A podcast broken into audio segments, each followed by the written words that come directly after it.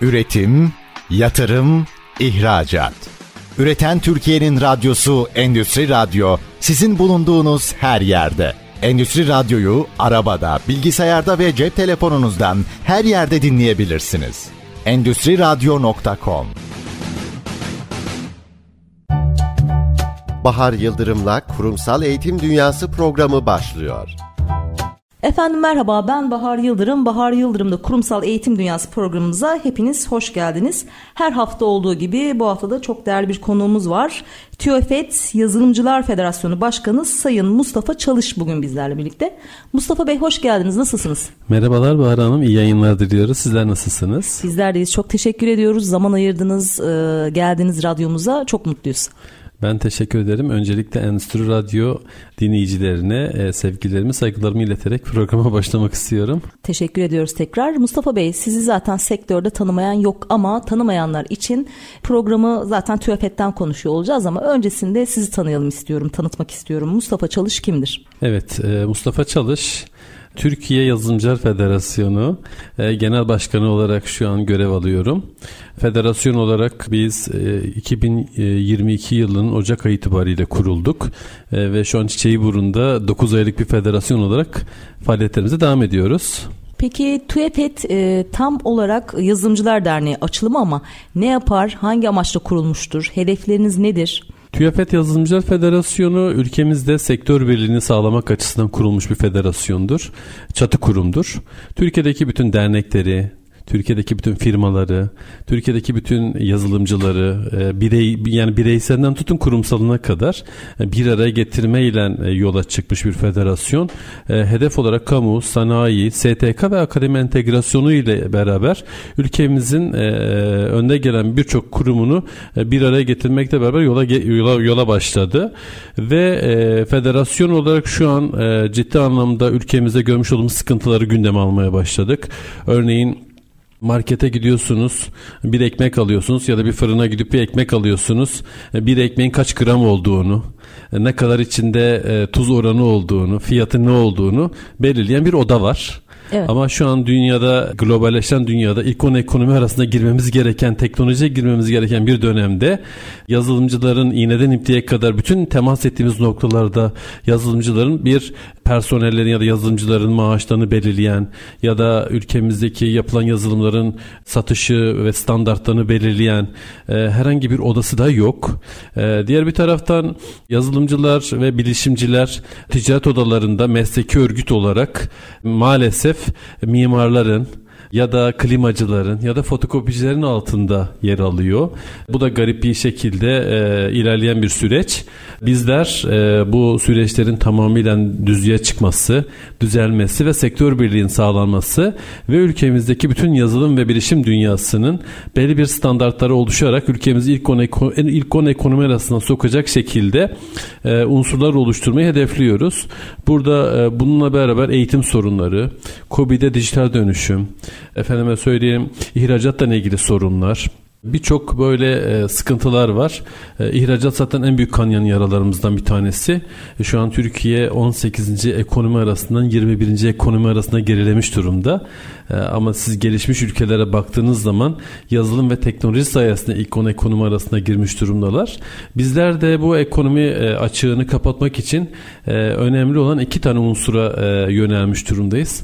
Bunlardan bir tanesi eğitim diğer bir tanesi de ihracat.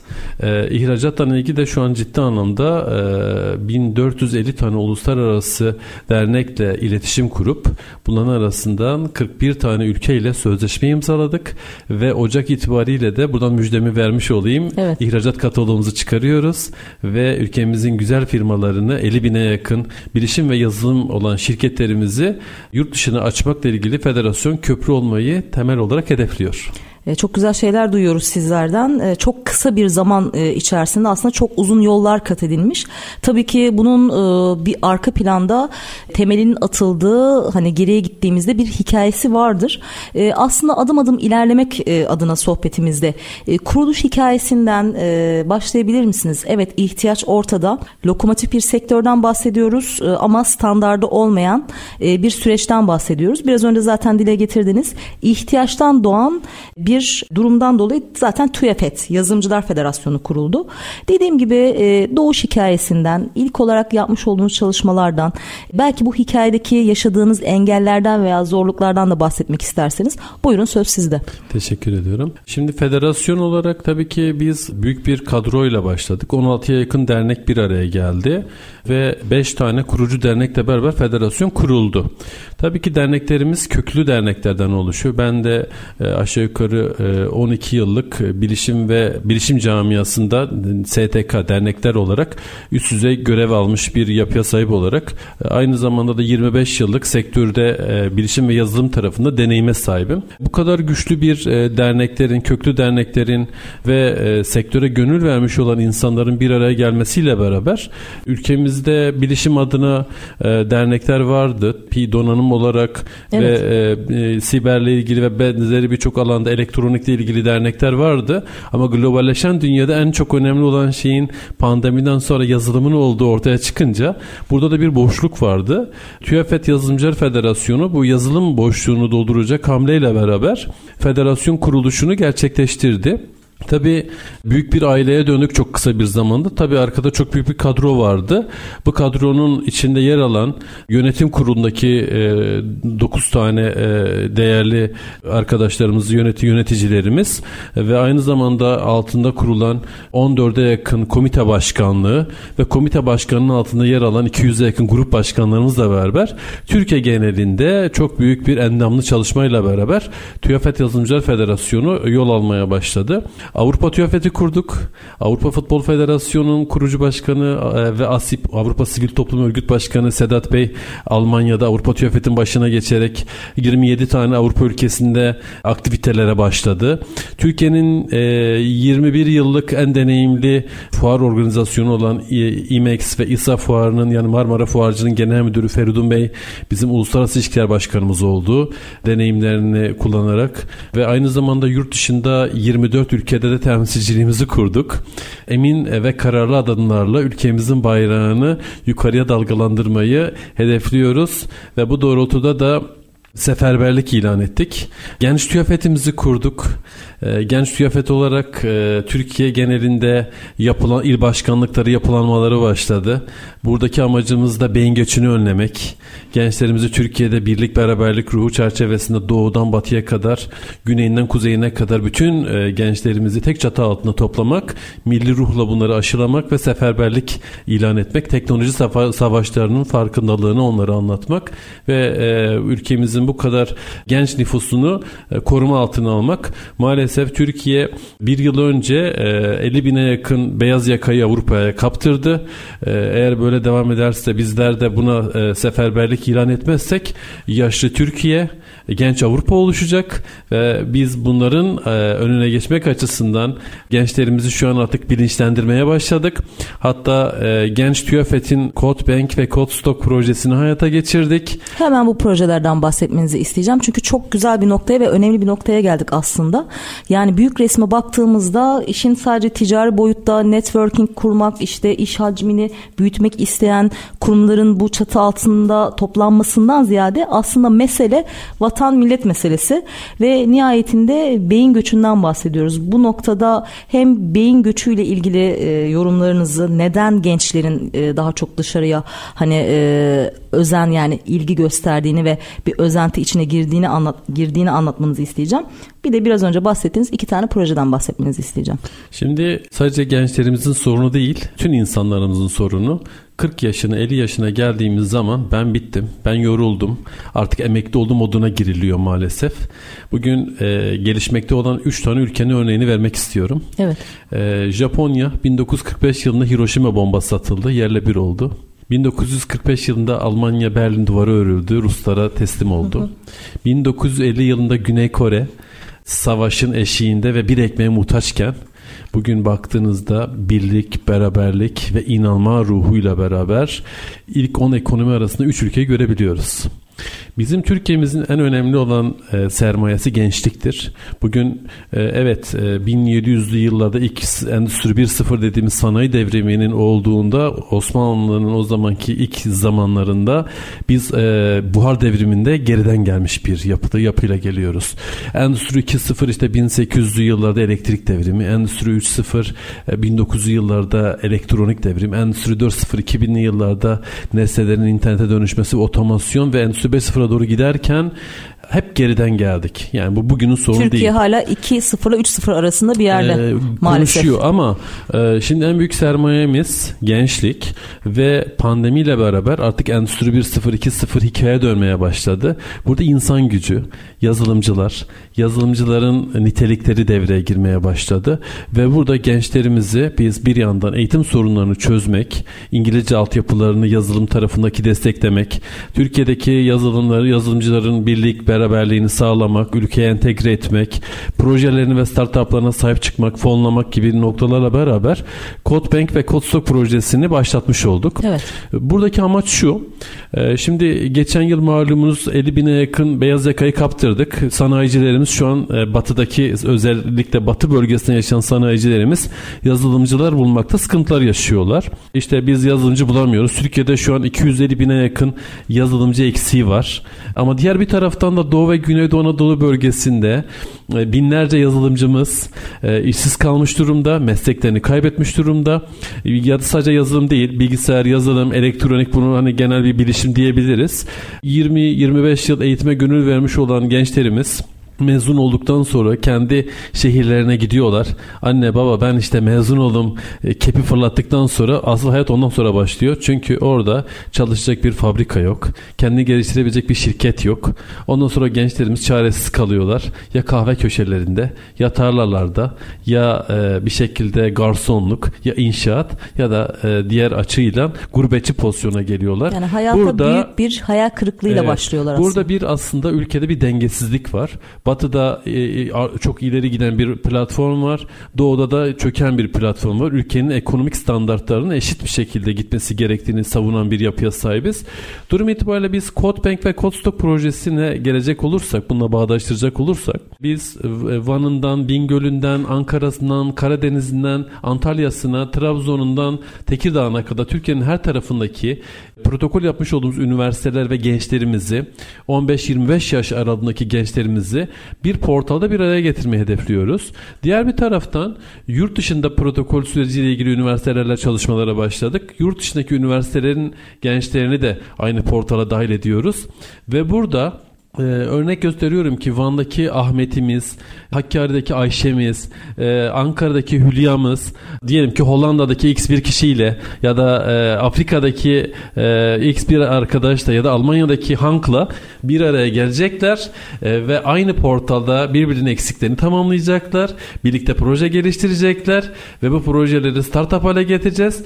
Bir, bütün e, bölgedeki gençlerimiz eşit bir şekilde e, tecrübe kazanmış olacaklar. Freelance freelance ortamda çalışabilecek alanlar oluşacak. Aynı zamanda da bu gençlerimizi biz e, projelerini federasyon olarak ülkemize kazandıracağız. Yurt dışındaki gençlerin de projelerini Türkiye projesine dönüştürmüş olacağız ve Türkiye startup merkezi olan bir ülke olacak. Çok muhteşem uluslararası bir proje diyebiliriz. Şu anda proje hangi aşamada peki? Kaç üyesi var e, platform içerisine dahil Şimdiye olan? kadar on, Türkiye'de 10 üniversiteyle sözleşme imzaladık. Hedefimiz Doğu, Güneydoğu Anadolu başta olmak üzere e, Türkiye'nin gelişmiş olan üniversiteleriyle protokoller yapmak. Şu an ona yakın üniversiteyle sözleşme imzalandı. Yurt dışıyla e, ilgili de şu an belli başlı üniversitelerle görüşmeler devam ediyor e, ve sözleşme süreçleri başladı.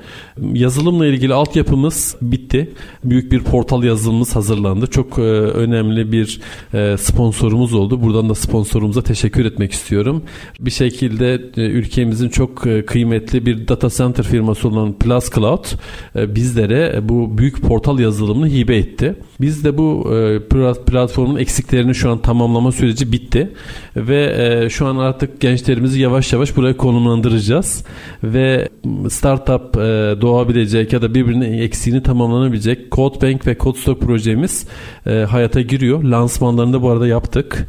Ve e, şu an e, çok iyi gidiyoruz. Çok da iyi bir yapılanma var. Diğer bir taraftan da Genç TÜYAFET'in bütün Türkiye genelinde yapılanması, il başkanlıkların kurulması e, bunu da destekleyen boyuta devam ediyor. Tam bu noktadayken kısa bir reklam arası vereceğiz ama küçük bir soru sormak istiyorum. Şu anda bizi dinleyen yazılımcı gençler bu platforma nereden nasıl katılabilirler? Hemen onu da kısa bir bilgisini verelim sonra reklamlara geçelim. Tabii ki bizde üyelik tamamıyla ücretsizdir.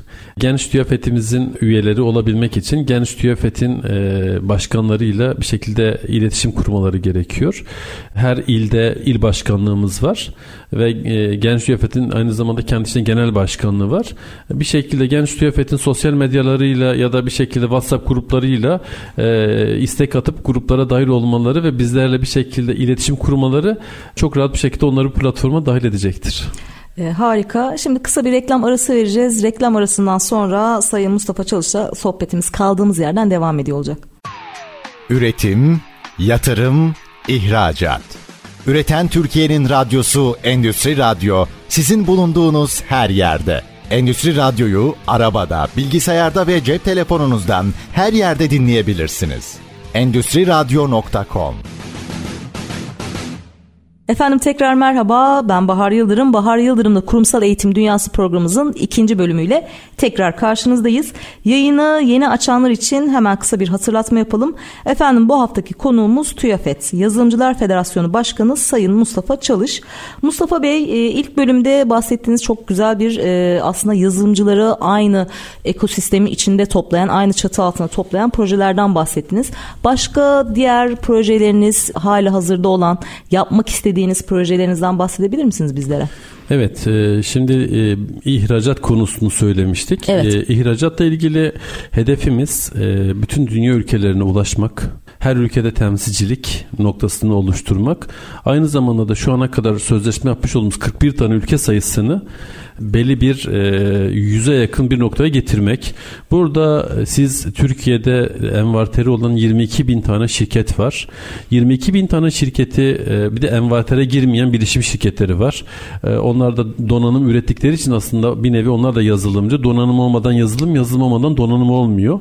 Bizim e, hedef şey yapmış olmuş çalışmalara göre 50 binin üzerinde şu an üretim yapan firmalar var. Evet. Bilişim ve yazılım alanında. E, şimdi Gerçeğe bakacak olursak ülkemiz 2021 yılında 4 milyar dolarlık ihracat gerçekleştirdi. Yazılım ihracatı gerçekleştirdi. Gerçekleştirmiş olduğu ihracat savunma, sağlık ve telekomünikasyon başı çekiyor. Evet. Ama Türkiye'de baktığınız zaman sektörler bayağı bir geniş. Bunları çoğaltmamız gerekiyor.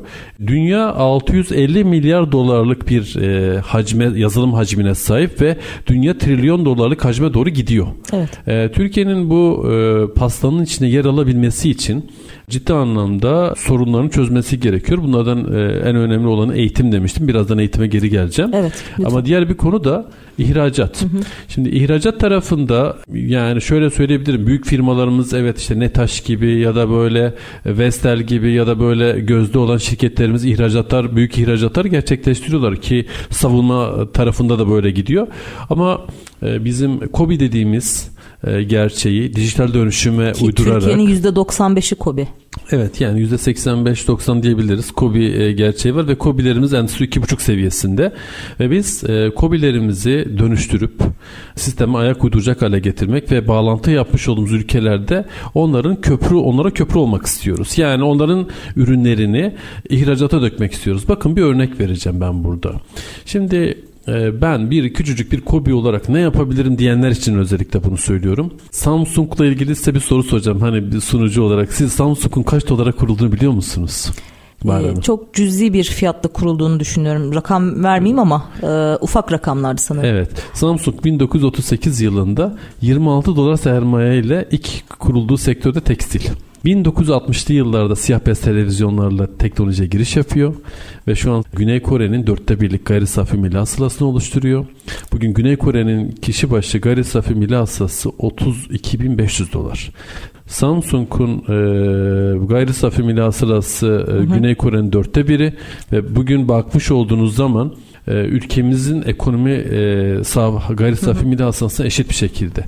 Durum itibariyle bizler e, bu sisteme ayak uydurmak açısından küçük büyük firma gözetmeksizin onların önünü açmamız gerekiyor.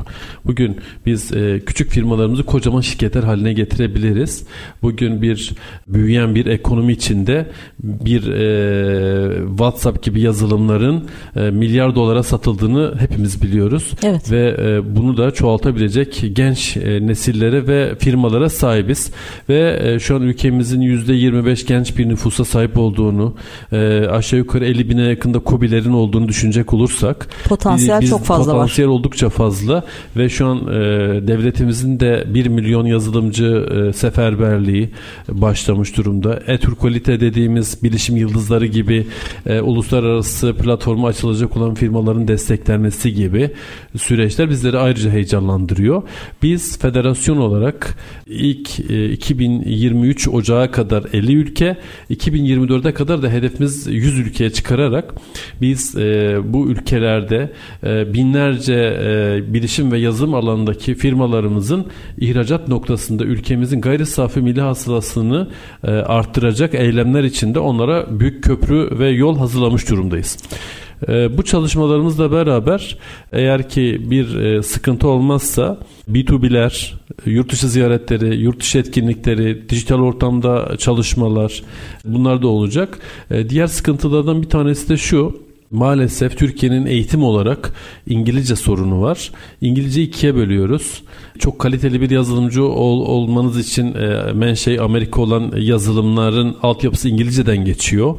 E, iki, e, siz e, bu yazılımı bitirdiniz, mezun oldunuz, okulu bitirdiniz. E, sonra bir işletme sahibi oldunuz. E, ürünlerinizi ticarileştirmek için yurt dışıyla bir temas kurmanız gerekiyor. E, bütün ülkelerde iletişimi siz ortak dil olarak İngilizce kurabiliyorsunuz. Maalesef ülkemizde şu an eğitim tarafında bakıyorsunuz mezun olmuş öğrencilerimizin birçoğu İngilizce konuşamıyor. E, maalesef ticaret yapan, ticaretle uğraşan firmalarımızın birçoğu e, İngilizce ile ilgili iletişim kuramadığı için ürünlerini yurt dışına satamıyor. Şimdi burada federasyon olarak danışmanlık merkezi ile ilgili koordinasyon merkezi kurup burada onların İngilizce sorunlarını da çözecek bir mekanizma ile beraber eğitim komitemiz de devreye giriyor. Her şey aslında iletişimle başladığı için iletişim koptuğu an zaten e, diğer ne kadar altyapı sağlam da olsa zaten büyümek belli bir noktada e, söylediğiniz gibi kısıtlanmış oluyor. Peki şimdi aslında büyük bir değişim ve dönüşüm sürecinden bahsediyorsunuz. Büyük bir yolculuktan bahsediyorsunuz. Yani e, işte o yüzde ortalama yüzde 90 e, Türkiye'de kobiler var dedik ve bunların e, özellikle teknolojik olarak endüstri iki buçuk üç arasında olduğumuzu varsayarsak ve düşünürsek aslında çok fazla ihtiyaçları var. Bu ihtiyaçlara yani bu desteğe nereden nasıl başlayacaksınız? Yani buradaki dil sorunu haricinde ne tür projelerle altyapılar beslenecek aslında? Buradaki ana plan nedir? Onu öğrenmek istiyorum. Ya biz federasyon olarak olaya bakıyoruz. Federasyon olarak biz ihracat.tüyafet.org e, adresinden bir form oluşturduk. İhracat olmak isteyen firmalarımız e, o formu dolduruyorlar bir şekilde iletişim bilgilerini bize iletmiş oluyorlar. Ya da bizlerle direkt temasta kurabilirler. Çağrı merkezi üzerinden federasyonun genel sekreterine de ulaşabilirler. Biz ihracat kataloğu oluşturuyoruz. Evet. İhracat kataloğunda herhangi bir ücret talebimiz yok. İhracat yaparken herhangi bir ücret talebimiz yok. Bizlerle bir şekilde e, iletişim kurup ihracat kataloğuna girdikten sonra bizim zaten şimdiye kadar sözleşme yapmış olduğumuz 41 ülkenin 50 binin üzerinde üyeye ulaşacak bir potansiyele ulaşmış durumdayız. Burada e, yıl sonuna kadar da zaten 50 ülkeyi hedefliyoruz. Burada e, ihracatın önünü e, açacak ve firmalarımızın değerli ürünlerini sektör gözetmeksizin, büyüklük küçüklük gözetmeksizin herkese köprü olacağız. Burada e, ülkemizin ithalat ve ihracat e, tarafındaki e, cari açığını da ortadan kaldırmayı hedefliyoruz. Bugün dünyamız, dünya, ülkemizde ithalata bağlı olmayan tek sektör yazılımdır. Yani siz oturuyorsunuz, kodluyorsunuz e, ve bir ürün haline getiriyorsunuz. E, ve bunu satıyorsunuz. E, ve satıyorsunuz. Olduğu gibi e, cari açığı kapatacak tek unsur. Buradaki sermaye yazılımcı direkt aslında. Kesinlikle. Ee, bu noktada zaten iki ana başlıktan bahsettik. Bahsettiğiniz daha doğrusu bir tanesi ihracattı, bir diğeri de eğitimdi. Dil bu eğitim alınması gereken, e, oluşturulması gereken o temellerin en başında tabii. Peki başka e, hangi tür eğitimlere ihtiyaç var sektörde? Şimdi e, federasyon olarak 15 tane komiteden bahsettik. Her komitemizin kendi içinde kıvrımları var. Örnek gösteriyorum Metaverse Komite Başkanlığımız, Yapay Zeka Robotik Komite Başkanlığımız, İnsan Kaynakları Komite Başkanlığımız. Bunun gibi böyle e, bilişimde hukuk komite başkanlığı, bla bla birçok böyle e, komitelerimiz var. Ve her komitemizin kendi içinde e, başlamış olduğu çalışmalar var. Eğitimler, seminerler, konferanslar, e, üniversite işbirlikleri ve e, her yapı kendi içinde çok e, aktif bir şekilde çalışmalar yapıyor. Mesela e, dijital tarımla ilgili, dijital sağlıkla ilgili şu an çok yakın zamanda çalışmalarımız devam ediyor. Bizler ülkemizin ekonomisine dokunacak her tarafa temasta bulunuyoruz. Bunu nasıl yapıyoruz? Çalıştaylar, konferanslar ve seminerler ve bunları birleştirerek yapıyoruz. Nasıl yapıyoruz? Üniversitelerle işbirliği yapıyoruz. Yapmış olduğumuz işbirlikliği çerçevesinde kamu, sanayi, STK ve akademi entegrasyonunu bir araya getiriyoruz. Bugüne kadar bunlar olmamıştı. Neden olmamıştı? Akademisyenler örnek gösteriyorum kendi aralarında çalıştaylar yapıyorlar. Kendi dünyalarında bir kitapçık çıkarıyorlar ve çıkarmış olduğu kitapçıkla beraber diyorlar ki tamam biz işte Metaverse ile ilgili bir çalıştay yaptık. Evet. Ee, sanayiciler kendi içinde bağımsız bir şekilde buna benzer çalışmalar yapıyorlar. Biz ezberleri bozduk. Nasıl bozduk? Onlara diyoruz ki gelin hem seminer hem konferans hem çalıştay. Ya üçü bir arada nasıl olur diyorlar. Biz olur diyoruz. Bu da bizim standartlarımız. Standartları bozan bir federasyon var. Ve biz bunları masaya yatırıyoruz. Metaverse'ü örnek gösteriyorum. Birkaç gün önce bir Metaverse çalıştayımız oldu. Çılgınlar gibi e, Facebook ismi değiştikten sonra Meta olduktan sonra Türkiye 5 milyar dolarlık bir parayı yurt dışına kaptırdı.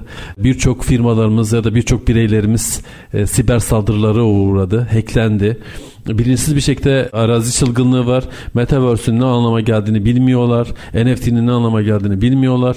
Ve bizler e, kurmuş olduğumuz e, ekiplerle beraber kamuyu, sanayi, STK ve akademi unsurlarını bir araya getirerek, bütün sektörün temsilcilerini bir araya getirerek bütün konuları masaya yatırıyoruz ülkemizin zarar görmüş olduğu noktaları teker teker tartışıyoruz. Aynı zamanda bunun ne anlama geldiğini, Metaverse'ün sadece bir araziden ibaret olmadığını, bunun sağlık sektöründe, eğitim sektöründe, savunma sektöründe, turizm sektöründe daha doğru bir şekilde kullanılırsa ülkenin değerlerini değer katacağını, ülkenin buna göre yatırımlar yapması gerektiğini altını çizerek hem öğrencilerimizi hem sanayicilerimizi hem kamu camiasını hem de akademisyenlerimizi bilgilendirerek katma değerli çözümler üretmeye devam ediyoruz. Yani ilk adım zaten e, bir farkındalık yaratmak konuyla ilgili. Sizler de e, işe bu şekilde başlıyorsunuz ve anlattıklarınızı dinledikçe yani çok fazla sorumluluk var ve e, çok fazla aslında misyon çok, vizyon çok geniş. Şirketlerin sadece kendilerini kalkıp arttırmasından ziyade aslında e, büyük resme baktığımızda ülke kalkınmasından bahsediyor oluyoruz. Bu noktada e, biraz da aslında yaşadığınız zorlukları dile getirmenizi e, isteyeceğim ki bunları aşmak için neler yapıyorsunuz? Daha çok hızlanmak için neler yapılabilmeli? E, aslında süreçle de ilgili e, orada yaşananları, hikayeyi sizlerden duymak istiyoruz. Şimdi e, hızlandırmak adına e, birlik beraberlik gerekiyor. Burada e, tabii biz federasyon olarak bir ekip kurduk ama tabii burada devlet erkanının bir şekilde bu işin içine dahil olması gerekiyor. Kamucuların, sanayicilerin, e, STK'ların, sivil toplum örgütlerinin, akademisyenlerin. Bakın Türkiye'de 220 tane teknoloji ve bilişim derneği var ve e, ne kadar aktif? E, işte yani bunlara baktığımız zaman mesela köklü dernekler var. 50 yıla yakın bir şekilde faaliyet gösteren dernekler var. Şimdi soruyorum kendi kendime. Biz bu 50 yıl boyunca ne yapmışız? Bizlerin bir şekilde çalışması lazım, üretmesi lazım. Bu kadar derneğin bir araya gelip artık birlik, beraberlik e, yapması gerekiyor. Burada da işte çatı devreye giriyor. Çatı nedir? Federasyon bir çatı kurumdur. Her zaman bütün dernekleri sektör birliğine davet ediyoruz. Diyoruz ki gelin gücümüzü birleştirelim. Gücümüzü e, artık birleştirdikten sonra bütün e, dünyanın gittiği noktanın teknoloji ve yazılım olduğunu bilerekten artık zaman güç birliği zamanıdır. Zaman artık ülkemize değer katma zamanıdır. Artık bu sanayi devrimi bitti. Artık bence bir yazılım devrimi başladı. Bu yazılım devriminde hangi ülke hamlelerini doğru yaparsa e, ileriye doğru gider. E, burada en büyük avantajımız nedir? Gençlik. En büyük avantajlarımız nedir? Genç firmalarımızın olması. E, burada bunları doğru bir şekilde yönetebilirsek, doğru bir şekilde kurgulayabilirsek e, ülkemizi hak etmiş olduğu noktalara getirmiş olacağız. Burada herkesin elini taşın altına koyması gerekiyor. Bizler tabii ki burada bir köprü olduk. Bir ateşi yaktık. Yola çıktık. Önce tren rayımızı yaptık. Sonra vagonlarımızı teker teker inşa ettik. Sonra vagonlarımızı tren rayına soktuk.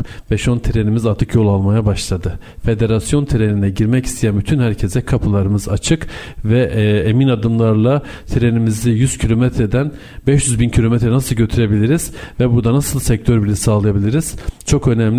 Yazılımcılar artık farkındalığını ortaya koyup hak gittiği yere gelmesi gerekiyor. Artık odalaşma olması gerekiyor. Bütün ticaret odalarında yazılım meclislerin kurulması gerekiyor. Teknokentlerin içindeki startup firmaların bence teknokent sürecinden bir şekilde daha farklı bir startup merkezlerine taşınıp teknokentin içine e, daha e, elverişli firmaların yerleştirilmesi ve ihracata bağlanarak federasyona bağlantılı hale gelmesini öneriyoruz. Burada ticaret odalarındaki bilişim ve yazılım meclislerinin kurulmasıyla beraber şirketlerle entegrasyonu, yazılımcı ve bilişimci per, e, çalışan birçok iş dünyasındaki arkadaşlarla entegrasyonu, e, odalarla entegrasyonu, devletle entegrasyonu, üniversitelerle entegrasyonu gerçekleştiğinde bu ülkeyi kimse tutamaz maalesef. Tam bu noktada kısa bir reklam arası veriyoruz. Efendim sakın bir yere ayrılmayın diyoruz. Üretim, yatırım, ihracat. Üreten Türkiye'nin radyosu Endüstri Radyo sizin bulunduğunuz her yerde. Endüstri Radyo'yu arabada, bilgisayarda ve cep telefonunuzdan her yerde dinleyebilirsiniz. Endüstri Radyo.com Efendim Bahar Yıldırım'la Kurumsal Eğitim Dünyası programımızın maalesef 3. bölümüyle tekrar karşınızdayız. Yayını yeni açanlar için hemen tekrardan kısa bir hatırlatma yapalım. Bugünkü konuğumuz TÜEFET yani Yazılımcılar Federasyonu Başkanımız Sayın Mustafa Çalış. Aslında ilk iki bölümde e, bilişim sektörünün temel sorunlarından e, bahsetmiş olduk. En başta dil sorunundan. Sonrasında ihracatla ilgili sorunlardan. Daha farklı hangi sorunlar var? Yani sektörün genel sıkıntıları nedir? Evet, e, yerli ve milli diyebiliriz. Yerli milli olarak e, Bahar Hanım şöyle bir sıkıntımız var.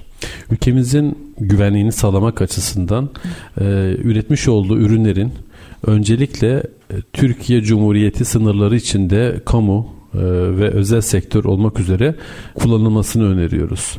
Tabi burada e, baktığınızda şu an yabancı menşeli ürünlerin Türkiye'de kullanılma oranı %80. Ee, burada e, bunun önüne geçmek açısından teknokentlerde üretilen ya da e, gerçekten rüşveyen e, kendini ispatlayan çok kıymetli ürünlerimiz var. Bir birkaç örnekte ilişkilendirmek istiyorum. Bugün insanlar en çok yazılımdan hacklendiğini düşünüyor ama aslında evet. en büyük hacklenme elektroniktir. Dünyanın şu an en büyük hacker'ı da elektronikçidir. Şimdi ülkemizde birçok alanda hacklenme ile evet. ilgili ya da güvenlik açıkları ile ilgili sorunlar var.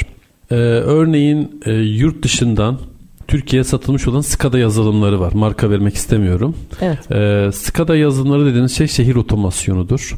Ve şu an belediyelerimiz, elektrik dağıtım şirketlerimiz ve Türkiye'nin en önemli olan büyük firmaların çoğu e, kullanmış oldukları bu yazılımlarla e, bir tuşa basıldığı zaman Türkiye'nin bütün barajlarını, Türkiye'nin bütün musluklarını, Türkiye'nin bütün elektriklerini yurt dışından yönetebilir durumda güvenlik açıklarımız var. Kapatabilirler. Bizi karanlığa gömebilirler. Bizi susuz bırakabilirler. Bu büyük bir risk aslında. Evet. Türkiye'de şu an bunu üretebilen, bu kapasite sahip aslında çok güzel firmalarımız var.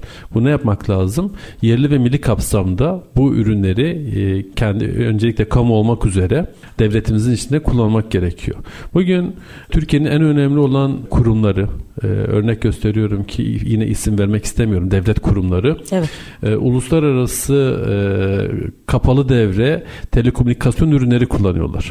Bunların e, bu kullanmış oldukları ürünlerin e, bir kamerayla, bir e, e, mikrofonla ya da e, bütün e, çalışmalarının hacklenmesini çok rahat bir şekilde gerçekleştiriyor. İstediğiniz kadar sunucunuza firewall kurun, istediğiniz kadar güvenlik önlemleri alın, istediğiniz kadar hacker koyun ama e, kapalı devre size vermiş oldukları MPLS sistemlerle sizleri hacklemeleri oldukça mümkün. Burada Türkiye'nin kendi üretmiş olduğu 2005 yılında Pardus dediğimiz bir yazılımımız var. Bu işletim sistemimizi Türkiye'nin her yerinde kullanmak gerekirken biz hala global menşeli olan işletim sistemleri kullanıyoruz ve bütün yazılımları bunların üzerine kurguluyoruz ve burada da ciddi anlamda bütün devlet kurumları, bütün özel şirketlerin hacklenmesi ciddi anlamda mümkün. Yani siz içeriye e, istediğiniz kadar e, isterseniz 100 e, bin tane e, hacker koyun e, ama e, öyle kapalı devre sistemler var ki içeride bizim e, hacklenmemiz oldukça mümkün. Bunun önüne geçmek için ne yapmamız gerekiyor?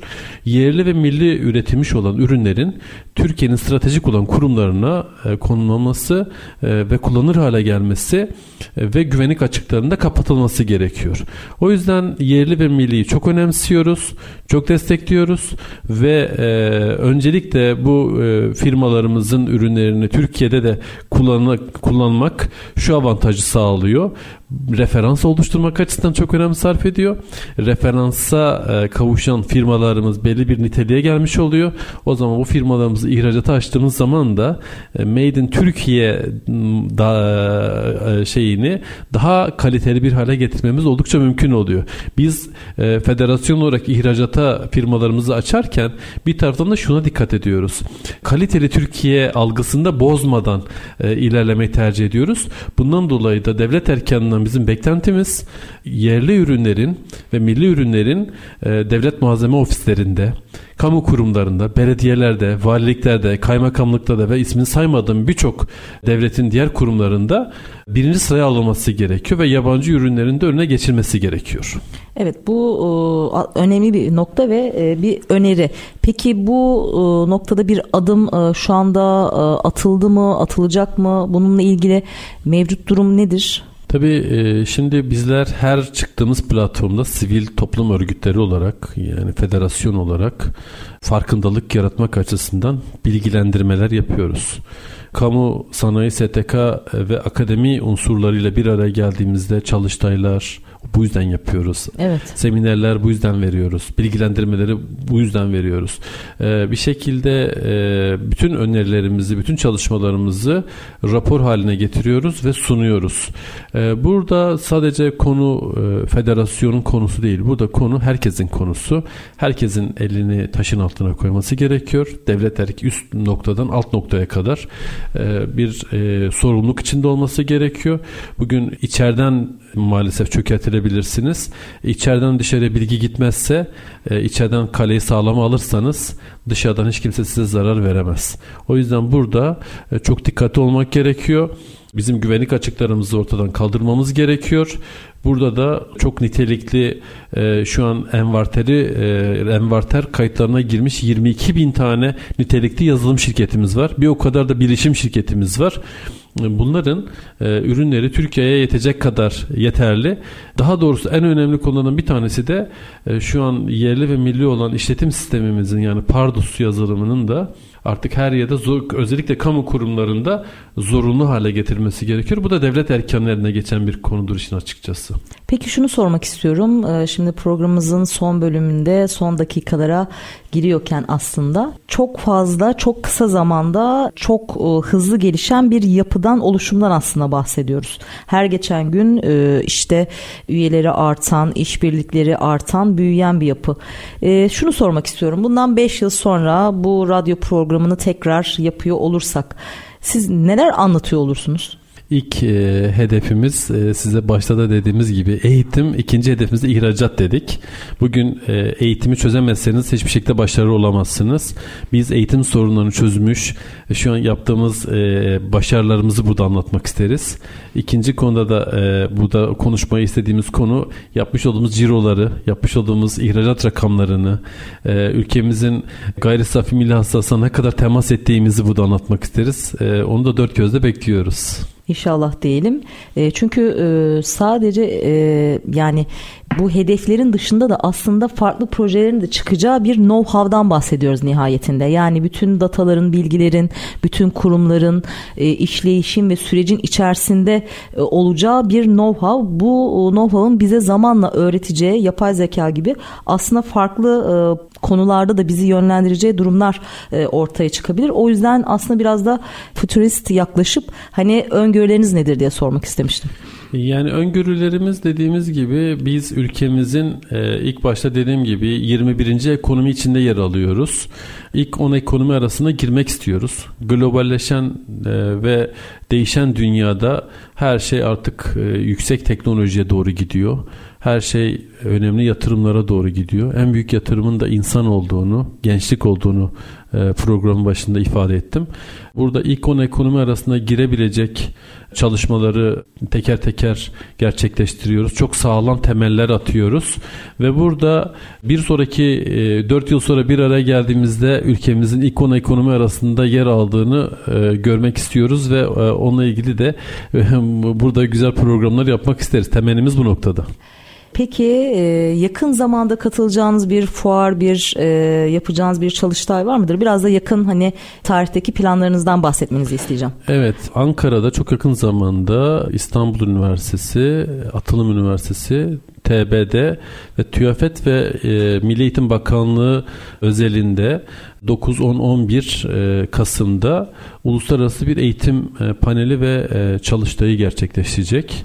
Ee, burada e, bütün eğitim konuları masaya yatacak ve çok değerli katılımcıların bir arada olduğu muhteşem bir e, çalışma olacak. Hatta farkındalık yaratmak açısından bir panelimizi de komple gençlerden donattık. Öğrenciler. Öğrenciler. Hatta Türkiye'nin en önemli e, projelerini ya da TÜBİTAK Teknofest gibi yarışmalarda birinci, ikinci, üçüncü olmuş e, ve ürünlerini ortaya koymuş olan gençlerimizin ürünlerine gelip orada ücretsiz bir şekilde sergileneceği bir platform oluşturduk. Burada amacımız e, onları bir araya getirmek. E, madem ki siz projeden bahsettiniz size bir tane de güzel müjdeli bir projeden bahsedeyim. Buyurun. 2023 yılının ilk çeyreğinde e, bu Türkiye'de ilk defa gerçekleşecek. Türkiye'de 81 ilde ne kadar iş adamları derneği varsa evet. ve bu kadar iş adamları derneğin içinde ne kadar üye varsa biz bütün iş adamlarını bir araya getireceğiz. Aynı zamanda Türkiye'de ne kadar yazılımcı, ne kadar bilişimci, startup ve firma varsa onları da bir çatı altına bir araya getireceğiz ve diyeceğiz ki gelin sanayicilerimiz bu yazılım ve bilişim dünyasıyla birleştirin gücünüzü bir ülkeyi hak ettiği yere taşıyın diyeceğiz. Türkiye'nin en büyük büyük buluşmasını 2023'ün ilk çeyreğinde e, hedefliyoruz. Büyük Türkiye için büyük buluşma 2023'ün ilk çeyreği diyebiliriz. Ve bu güzel gerçekten e, güzel müjdeyi de buradan vermiş olalım. Evet, ilk, ilk defa mı? İlk defa, ilk defa mı? Evet. Tamam bizim programımıza nasip oldu. Çok teşekkür ediyoruz. Bu bizim için çok değerli oldu. E, bunun zaten e, zaman yaklaştıkça güzel bir e, duyurusunda e, yapıyor olursunuz. Tekrar sizi o dönemde tekrar ağırlamak ayrıca Kesinlikle mutluluk duyarız. isteriz. E, çünkü e, detaylar e, çok önemli. Anlattıklarınız bizim için çok değerli. Bugün bu programda aslında benim sormadım ama sizin tekrar altın çizmek istediğiniz, söylemek istedikleriniz varsa aslında son sözleri de biraz sizlere bırakmak istiyorum. Bizim son sözümüz şöyle. Bir sloganımız var. Ben demiyoruz, biz diyoruz. Büyük Türkiye için bir sloganımız var. Ee, bu sloganı da her yerde söylüyorum. Söylemede devam edeceğim. Hayat ve bilgi paylaştıkça güzeldir. O yüzden e, bütün bilgileri birleştirelim. Sektör birliğini sağlayalım ve seferberlik ilan edelim. Bundan 100 yıl önce Çanakkale Zafer e, Savaşı tankla tüfekle oluyordu. Ama şu an bütün savaşlar artık teknoloji savaşları pozisyonunda. O yüzden artık yeni bir savaş dönemi başladı. Bu da teknoloji savaşlarıdır. Burada da işte herkesin elini taşın altına koyup seferberlik ilan etmesi gerekiyor ve her evde bir tane yazılımcının mutlaka çıkması gerekiyor. Bu Türkiye için çok önemli ve yazılımcıların da beyin göçüne e, gitmemesi açısından da ailelerin bilinçlendirmesi gerektiğini düşünüyoruz ve her zaman ülkenin artık bir teknoloji savaşı hazır olabilecek yeni nesil ve e, kendi ülkesinin değerlerini yukarı taşıyabilecek gençlerin yetiştirilmesi ve ülkeye katkı sağlama, sağlamaları hedefiyle beraber teşekkür ediyorum. Bizler de teşekkür ediyoruz. Şunu da sormak istiyorum aynı zamanda. Aslında tam olarak e, programımız devam ediyor. Son dakikalara girdik. Peki geri dönüşler nasıl? Yani özellikle gençlerden yani bu çalıştaya katılan gençlerden o e, yarattığınız platforma üye olan gençler sizlerle fuar ziyaretlerinde bir araya gençlerin aslında size en sık sorduğu sorular, merak ettiği konular, e, geri dönüşler nasıl oluyor? Sordukları sorular şu. Bugüne kadar neredeydiniz? ee, biz Çok e, doğru bir soru aslında. evet, bugüne kadar neredeydiniz? İlk defa böyle bir yapı görüyoruz. İlk defa iş, böyle iştahlı bir yapı görüyoruz. Böyle bir federasyonun kurulması oldukça bizleri motive ediyor diyorlar. İşin açıkçası bugüne kadar böyle bir e, çatı kurum olmamış. Doğrusunu söylemek gerekirse önceki yıllarda görev almış olduğum derneklerde ve federasyonlarda hep şu soruyu soruyordum ben. Neden yazılımla ilgili bir hamle yapmıyorsunuz?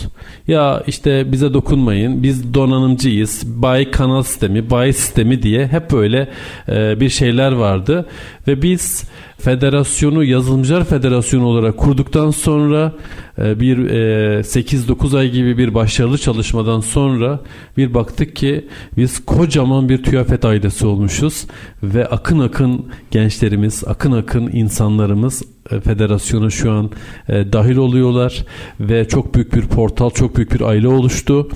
Bu çalışmayı ben şöyle görüyorum. Bir Türkiye'nin her tarafına ekilmiş bir mantar tarlası gibi düşünün. Biz ne kadar çok mantar tarlasını çoğaltırsak e, o kadar çok verimli oluruz ve bir şekilde ülkemizin ülkemizin değerlerine değer katacak en önemli olan sermayenin gençlik olduğunun altını çizerekten gençlerimizin de e, federasyon çatısı altında e, güçlerini birleştirmesi e, gerektiğini düşünerek ve onlara tekrar çağrıda bulunuyorum. Gelin genç TÜYAFET ailesine dahil olun projelerimizle, yönlendirmelerimizle, seferberlik ilanımızla beraber e, ülkemizin bayrağını dalgalandıralım yukarıya doğru ve ülkemizi hak ettiği 21. ekonomiden ilk 10 ekonomi arasına sokalım ve süper güç haline getirelim. Ondan sonra ne mutlu Türk'üm diyelim. Bu da bizim için yeterlidir. Bence e, bu noktada da programı bitirelim çünkü e, çok güzel mesajlar verdiniz. Açıklamalarınız için, e, programımıza katıldığınız için, kattığınız değer için hem gençlerimize hem girişimcilere hem ülkemize gerçekten e, sizleri cani gönülden kutluyoruz. Çünkü bu işler sadece hani e, şöyle söyleyeyim ticari zeka sahibi olmak da yetmiyor. Aslında vatan meselesi. Yani gönül vermek, tutkuyla yapmak, inanmak çok önemli ve sizler de zaten enerjinizle, azminizle, hırsınızla ve kurumu kısa zamanda getirdiğiniz noktayla bunu veriyorsunuz ve ilham veriyorsunuz. Yani başkanım öyle söyleyeyim ben size. İşte e, o yüzden gerçekten e, tebrik ediyoruz ve sizi ağırlamaktan da gerçekten çok büyük mutluluk ve gurur duyduk. Bunu da tekrar altın çizerek söylemek isterim ki ülkemizin sizin gibi e, girişimcilere, e, liderlere ve gençlerin önünü açacak kişilere ihtiyacı var. Bizler de sizlerin her türlü zaten her zaman gönüllü olarak yanınızdayız diyoruz. E, ben e, teşekkür ediyorum tekrar. Son bir sözünüz varsa tekrar alalım. Sonrasında da programı kapatalım. Şöyle son sözüm şu. TÜYAFET Yazılımcılar Federasyonu e, yönetim kurulu ve komite başkanları ve alttaki grup başkanları bütün hepsi çok özverili bir çalışma gerçekleştiriyor. Biz olgusu var. Ben olgusu yok. E, ve burada bütün e, federasyona gönül vermiş, ülkesine gönül vermiş ve federasyon yönetim kurulunun içinde yer alan bütün yönetim kuruluma canı gönülden teşekkür ediyorum. Çünkü hepimiz elimizi taşın altına yüreğimizle beraber koyduk. Bu kadar büyümemiz bir ekip olarak gerçekleşti. Ben olarak olmadı, biz olarak oldu. Ve durum itibariyle bu çalışmalarımız e, aynı şekilde ailemize yeni katılımlarla beraber devam edecek. Büyüyen bir aile Büyüyen istiyoruz. bir aile ve ülkemizi hak ettiği yere getireceğinden kanaatim %100 tamdır. İnanıyoruz çünkü Türkiye Cumhuriyeti vatandaşı azimlidir. Atatürk'ün e, çok güzel sözleri var. Ey Türk gençliği birinci vazifen Türk istiklalini ve Türk Cumhuriyeti'ni ilelebet muhafaza ve müdafaa etmektir. Biz bunun bunları müdafaa etmek için yola çıktık ve seferberliği burada ilan ettik ve bu doğrultuda çalışmalarımız bütün hızıyla devam edecek. Bu vesileyle Endüstri Radyo dinleyicilerine ve siz e, değerli e, Bahar Hanım'a teşekkür ediyorum. Sevgilerimi, saygılarımı, şükranlarımı sunuyorum. Bizler de çok teşekkür ediyoruz. Ağzınıza sağlık diyoruz. Efendim bugün de maalesef programımızın sonuna geldik. Haftaya aynı gün ve saatte Bahar Yıldırım'da Kurumsal Eğitim Dünyası programımızda görüşmek üzere.